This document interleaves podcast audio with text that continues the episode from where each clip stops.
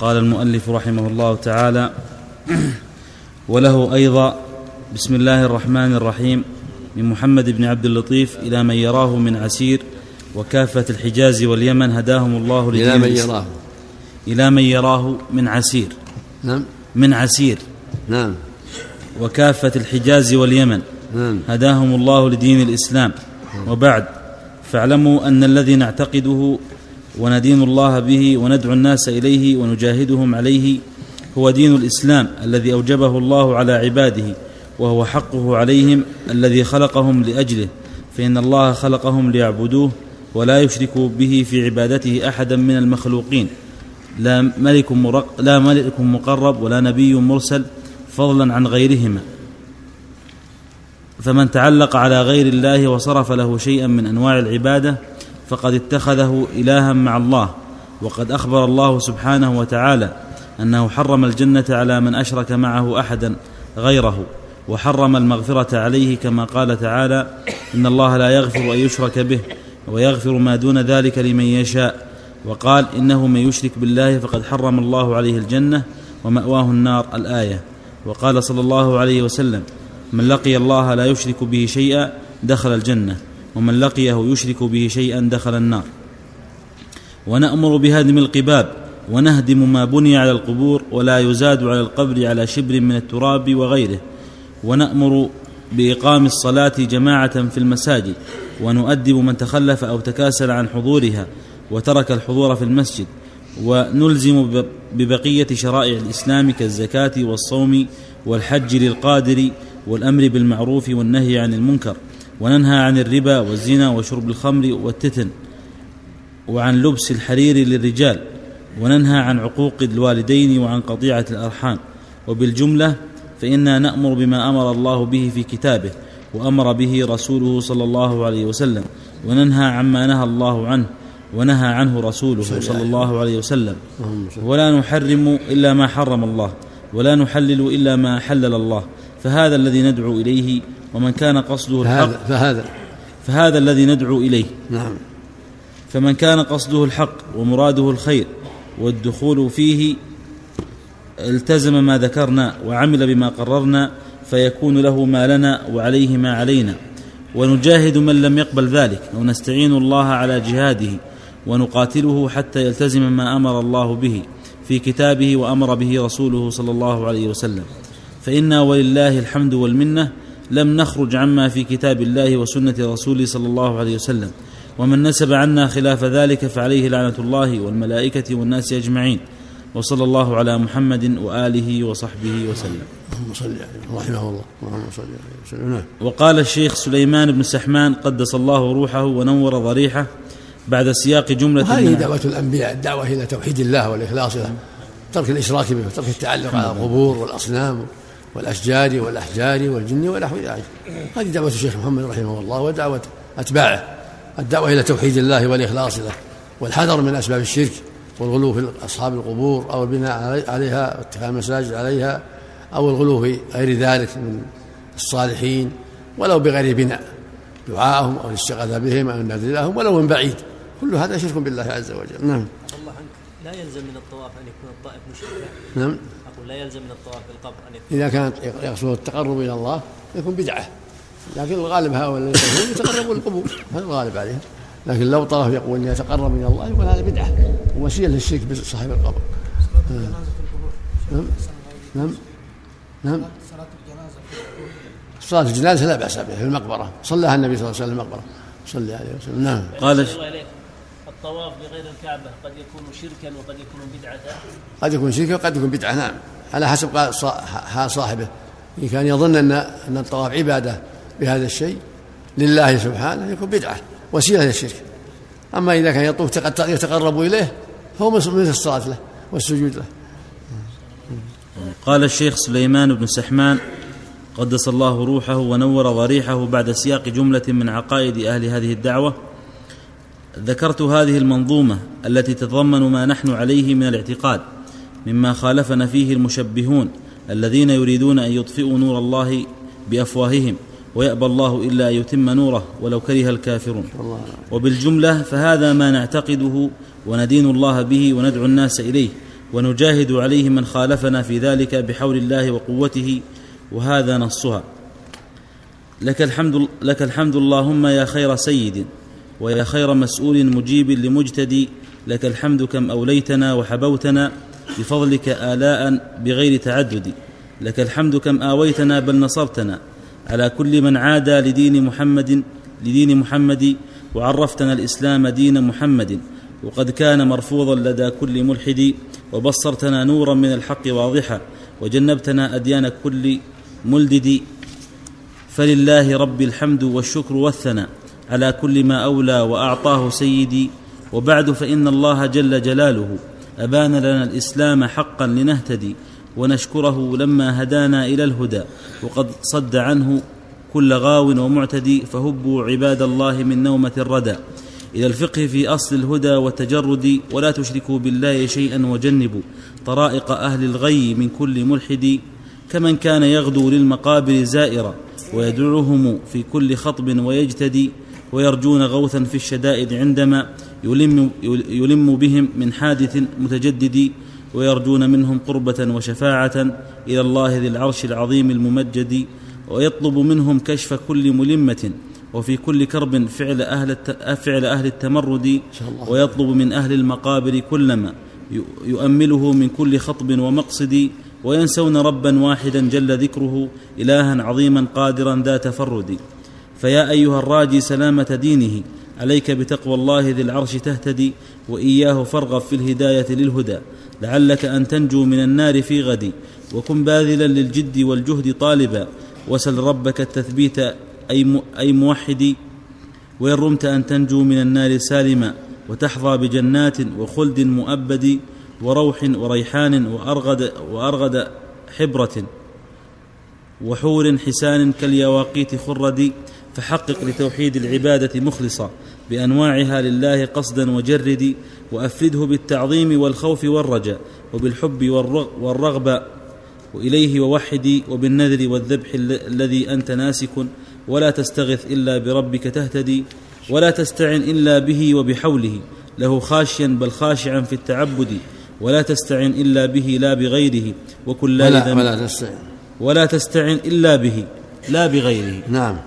وكن لائذا بالله في كل مقصد إليه منيبا تائبا متوكلا عليه وثق بالله ذي العرش ترشدي ولا تدع إلا الله لا شيء غيره فداع لغير الله غاو ومعتدي وكن خاضعا لله ربك لا لمن تعظمه واركع لربك واسجدي وصل له واحذر مراءة ناظر إليك وتسميعا له بالتعبد وجانب لما قد يفعل الناس عند من يرونه يرونه له حقا فجاءوا بمؤيد يقومون تعظيما ويحنون نحوه ويومون نحو الرأس والأنف باليد وهذا سجود وانحنى بإشارة إليه بتعظيم وذا فعل معتدي إلى غير ذا من كل أنواعها التي بها الله مختص فوحده تسعدي وفي صرفها أو بعضها الشرك قد أتى فجانبه واحذر أن تجيء أن تجيء بمؤيد بمؤيد. واحذر أن تجيء.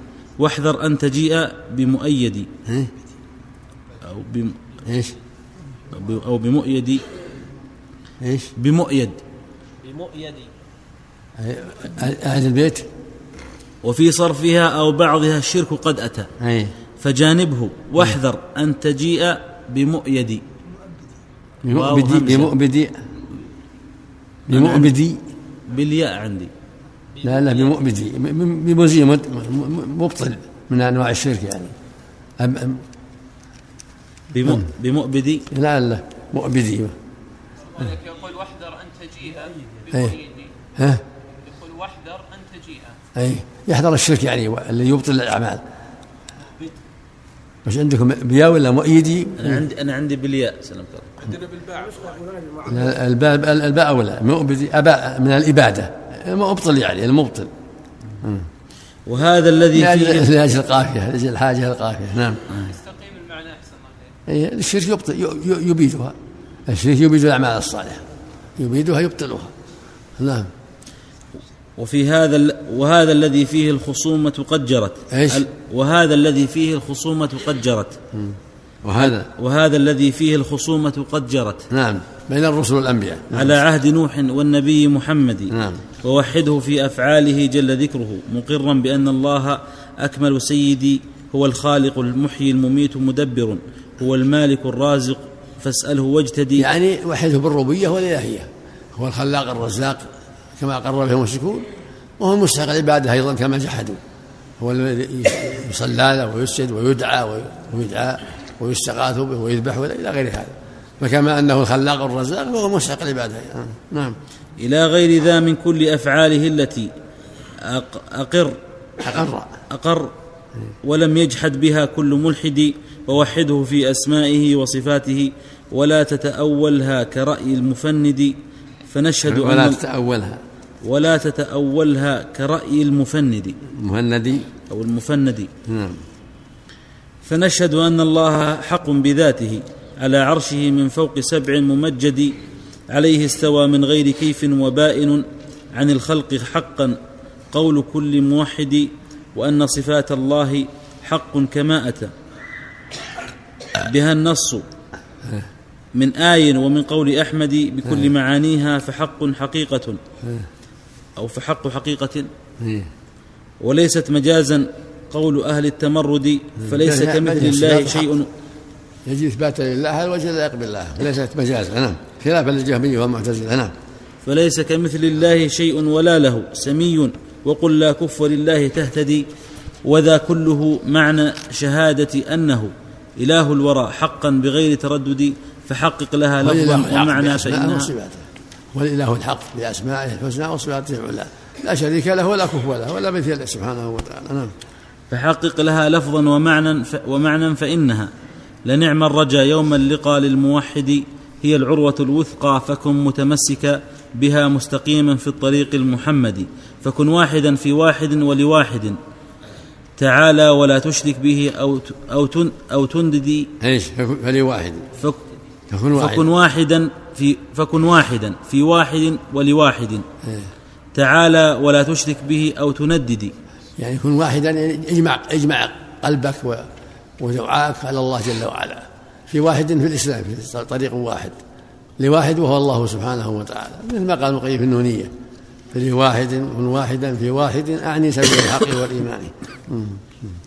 ومن لم يقيدها بكل شروطها كما قاله الأعلام من كل مهتدي فليس على نهج الشريعة سالكا ولكن على آراء كل ملدد فأولها العلم المنافي لضده. من الجهل إن الجهل ليس بمسعد فلو كان ذا علم كثير وجاهلا بمدلولها يوما فبالجهل مرتدي. وثانيها هو وهو القبول وضده. هو الرد فافهم ذلك القيد ترشدي آه. كحال قريش حين لم يقبلوا الهدى وردوه لما أنعتوا في التمرد. وقد علموا منها أن وقد علموا منها المراد وأنها تدل على توحيده والتفرد فقالوا كما قد قاله الله عنهم بسورة صاد فعل من ذاك تهتدي. فصارت به أموالهم ودماؤهم حلالا وأغناما لكل موحد وثالثها الإخلاص فاعلم وضده هو الشرك بالمعبود في كل مقصد كما أمر الله الكريم نبيه بسورة تنزيل الكتاب الممجد ورابعها شرط المحبة فلتكن محبا لما دلت عليه من الهدي وإخلاص أنواع العبادة كلها كذا النفي للشرك المفند والدد ومن كان ذا حب لمولاه إنما يتم يتم بحب الدين دين محمد فعاد الذي عادى لدين محمد ووالي الذي والاه من كل مهتدي وأحبب رسول الله وأحبب رسول الله أكمل من دعا إلى الله والتقوى وأكمل مرشدي أحب من الأولاد أحب من الأولاد والنفس بل ومن. جميع الورى والمال من كل أتلد وطارف وطارفه والوالدين كليهما بآبائنا والأمهات فتفتدي. وأحبب لحب الله من كان مؤمنا. وأبغض لبغض الله أهل التمرد. وما الدين إلا الحب والبغض والولاء. كذاك كذاك كذاك البراء من كل غاو ومعتدي وخامسها فالانقياد وضده هو الترك للمأمور أو فعل مفسد فتنقاد حقا بالحقوق جميعها وتعمل بالمفروض حتما وتقتدي وتترك ما قد حرم الله طائعا ومستسلما, بال ومستسلما لله بالقلب ترشدي فمن لم يكن لله بالقلب مسلما ولم يك طوعا بالجوارح ينقدي فليس على نهج الشريعة سالكا وإن خال راشدا ما أتى من تعبد وإن خال رشدا ما أتى من تعبد وسادسها وهو اليقين وضده هو الشك في الدين القويم المحمد ومن شك ومن شك فليبكي على رفض دينه ويعلم أن قد جاء يوما بمؤدي ومن شك فليبكي على رفض دينه ويعلم أن قد جاء يوما بمؤيد. بمفسدي بمؤودي. بمؤودي. مؤبدي. بمؤود بالهمز. بالهمز؟ مهمدي. مؤبدي. بالهمز. بمؤود ها؟ مؤود. بالواو. بالواو والهمز. أو مؤودي أو داه يعني أهلكه دمره. نعم.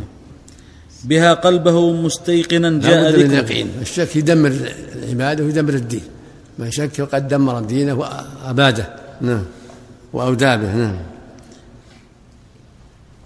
بها قلبا مستيقنا جاء ذكره عن السيد المعصوم أكمل مرشد ولا تنفع المرء ولا تنفع المرء الشهادة فاعلما إذا لم يكن مستيقنا ذا تجرد وسابعها صدق المنافي لضده من الكذب من الكذب الداعي إلى كل مفسد وعارف معناها إذا كان قابلا لها عاملا بالمقتضي فهو مهتدي وطابق فيها وطابق فيها قلبه للسانه. وعن واجبات الدين لم يتبلد وما لم تقم هذه الشروط جميعها بقائلها يوما فليس على الهدي ونشهد أن المصطفى سيد الورى. غير شوي. طيب على ونشهد. وهذه الشروط السبعة ذكرها الشيخ عبد الرحمن في المجيد رحمه الله باب فرض التوحيد أو في باب تحقيق التوحيد. علم يقين وإخلاص وصدق محبة وانقياد والقبول لها. سبعة. زاد الشيخ سعد شيخنا الشيخ سعد رحمه الله ثامن وزيد ثامنها الكفران منك بما سوى الاله من الأشياء قد اولها الكفر بالطاغوت والإيمان بالله هو داخل في المعنى داخل في المعنى. سم. تقول على هذا ثمانية شروط؟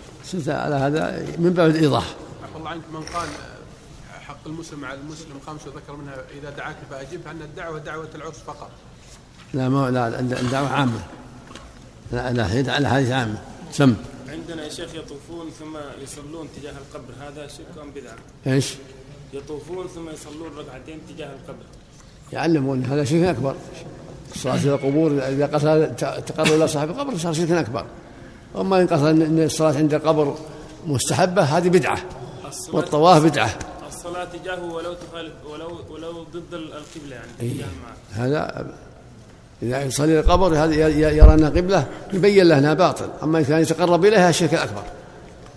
نسأل الله العافية. لا يقول أن أن الصلاة هنا أنها يعني فيها تقرب إلى الله يتعبد الله. إيه، يعلم يعلم أن الصلاة قبور بدعة وإذا أراد بها صاحب القبر صار شرك أكبر.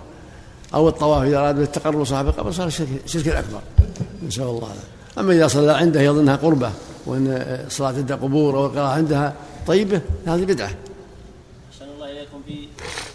صلى جماعة الجمعة في الدور الثاني في أحد المساجد وفي أثناء الصلاة انقطع المكبر وصاروا لا يسمعون صوت الإمام فتقدم أحدهم وأتم لهم الصلاة. ما في بأس طيب. كمل لهم الحمد لله نعم. جمعة أحسن الله. نعم. يكملون جمعة؟ نعم. يكمل لهم جمعة؟ يا إيه. كمل هم صلى ركعة. صلى ركعة ولا ما صلى ركعة؟ نقول في أثناء الصلاة. إذا كان صلى ركعة يتممه مثل اللي أدرك ركعة من الجمعة. وإذا كان أقل من ركعة. نعم. إذا كان في الركعة الأولى. الظاهر إذا أدرك الأولى يصلون الظهر ما يصلون الجمعة. فاتتهم الجمعة. أما إذا كان أدركوا ركعة يتموا الجمعة. وإن سمعوا الخطبتين عفى الله عنك نعم. ظهرا نعم. ويتم ظهرا وإن سمعوا الخطبتين. إيه لكن ما صلوا مع الإمام. فاتهم صلاة الإمام. ما صلوا مع الإمام.